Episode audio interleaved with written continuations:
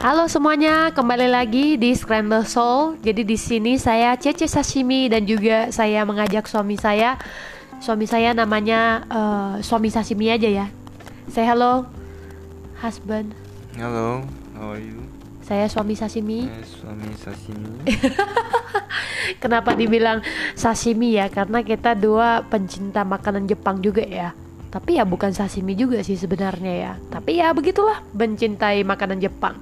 Jadi di sini uh, saya bareng suami saya kita bakalan podcast dan di sini juga ada satu pertanyaan yang masuk. Ini mm, pertanyaannya seperti ini, say. Baby, apakah suami istri perlu sering melakukan latihan syukuran maupun visualisasi dan mengapa? Perlu lah, Why? karena semakin kita bersyukur kita mengumpulkan energi positif. Energi kamehameha gitu? Ya, kita menarik sesuatu yang positif kepada kita dan Hmm. kita juga eh, semakin kita bersyukur jadi semakin kita rasakan manfaatnya ya. Iya. Tapi ini bener kayaknya ada pengaruh ya. Kenapa saya bisa cerita juga ya pengalaman pribadi kalau saya lagi akhir ini lagi di berada lingkungan toksik dan saya jujur kepengaruh banget kayak sama moodnya yang sangat moody banget alias negatif banget gitu ya.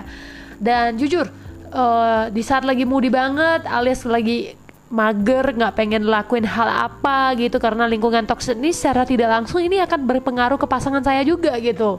Makanya suami saya juga lagi akhir ini juga ada sedikit ngedown gitu ya. Makanya kayak semalam udah saya ceritain dan sudah saya kayak konseling sama diri sendiri gitu ya bahwa ini ini nggak bener nih ini nggak bisa kita lanjutin terus. Kenapa? Karena kalau lanjutin terus maaf kata kita selain kita yang suffer orang sekeliling kita juga bakalan suffer gitu. Jadi sebenarnya tarik lagi kembali lagi gitu. Memang kalau misalnya sekarang lagi di lingkungan yang nggak enak gitu ya yang ber- yang banyak banget negativitasnya akan tetapi harus tarik diri kembali lagi bahwa ini kita hidup demi diri sendiri dan juga demi orang-orang yang kita sayangin gitu. Jadi jangan karena hal-hal yang negatif yang mempengaruhi kamu walaupun ya namanya manusia ya pasti juga akan kepengaruh gitu. Apalagi saya, saya juga kepengaruh banget gitu.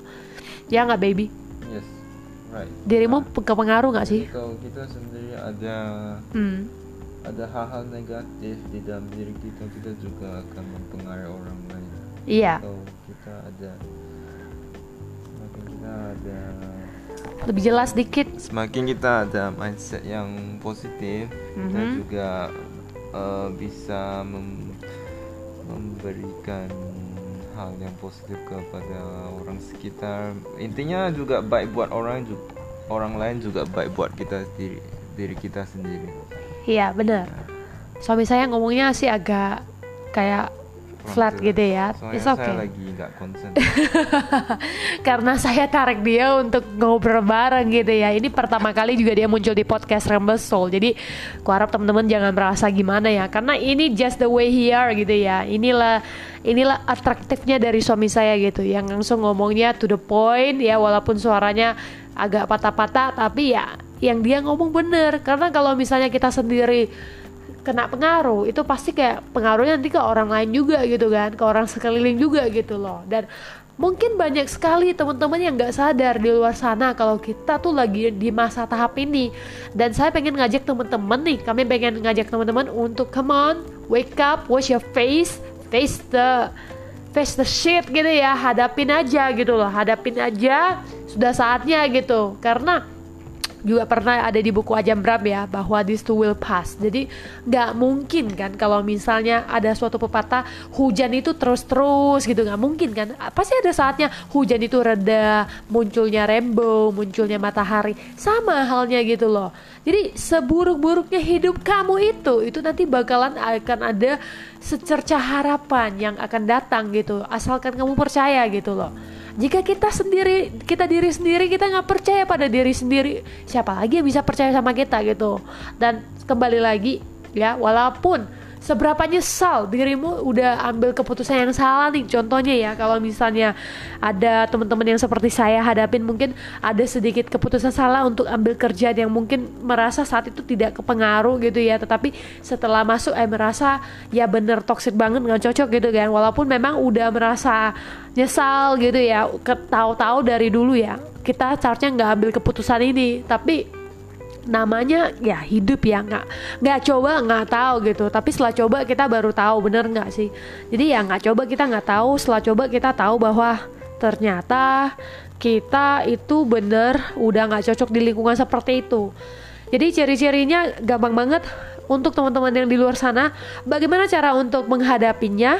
So ayo latihan syukuran ayo sering visualisasi yang misalnya ada pasangan bareng pasangan yang belum ada pasangan mungkin bisa mulai dari sendirian dulu atau bisa ajak keluarga ataupun adik kakak semuanya. Ya kita latihan sama-sama visualisasi. Visualisasi itu simple banget. Jadi kayak membayangkan apa yang anda mau. Ya nggak sih baby? Ya benar sekali. Baby sering membayangkan apa? Cewek lain gitu. Membayangkan. Membayangkan apa? Membayangkan saya punya banyak duit Membayangkan saya bisa pergi jalan-jalan ke Jepang. Bersama? Istri tercinta dong. Oke. Okay. Kalau dia ngomong istri, istri orang lain Udah saya bakalan santet nanti. Ya jadi visualisasi, visualisasi itu simple. Itu tidak ada batasnya ya. Dan tidak ada orang yang bisa mengukur teman-teman Bagaimana cara memvisualnya ya. Gak perlu. Teman-teman yang mengukur sendiri gitu loh how you imagine? Bagaimana teman-teman pengen berimajinasi? Silakan. Itu hak teman-teman ya. Silakan berimajinasi.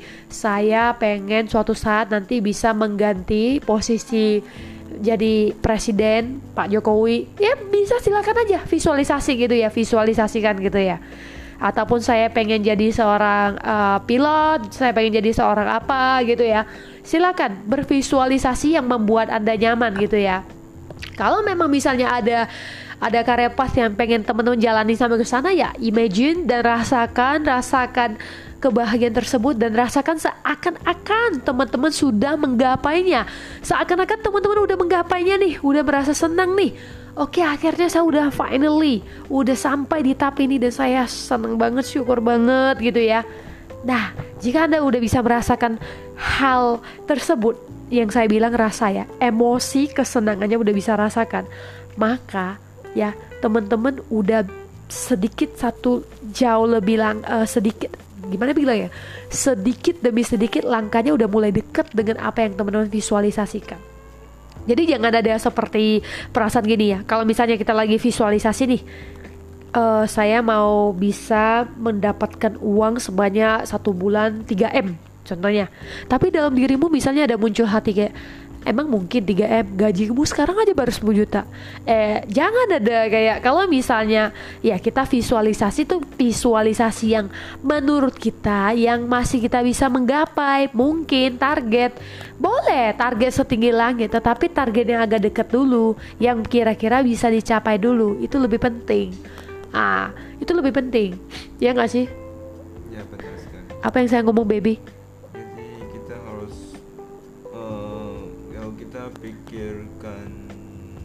Visualisasi itu juga harus yang mendekati bisa dibilang lebih realistis yang yang bisa lebih mudah dicapai dulu lebih memungkinkan untuk dicapai. Jangan langsung kamu bilang besok saya mau dapat 10 m gitu. Hmm. Ya benar. Saya mulai dari mungkin oh saya ada pendapatan yang stabil misalnya tiap bulan mulai dari apa ya ekstra 5 juta misalnya gitu. Itu kan lebih achievable. achievable ya hmm. benar yang lebih masuk akal ya. yang kira-kira kita bisa menerima. Yang seperti itu Jadi tips dari kami sih uh, saranin ya kalau bisa kita mulai pagi ataupun sebelum tidur teman-teman bisa visualisasi untuk hal besok yang akan terjadi gitu. Ya. Jadi kalau sebelum tidur boleh visualisasi ataupun pas bangun tidur boleh juga visualisasi. Memvisualisasikan apa yang pengen teman-teman gapai ya. Ataupun mungkin juga teman-teman ada yang masih belum tahu nih apa yang pengen uh, teman-teman jadi apa gitu ya. It's okay take your time dan pelan-pelan gali gitu ya pelan-pelan gali. Karena setiap orang punya karet puff setiap orang punya pas ketemu jati dirinya itu nggak tentu nggak nggak selalu tentu gitu. Jadi take your time it's okay. Ada lagi tambahan baby? Nggak ada tambah lagi ya? Oke mungkin cukup dulu sampai di sini untuk kita punya topik hari ini ya tentang ini sharing tips dari suami istri dari pasangan sashimi.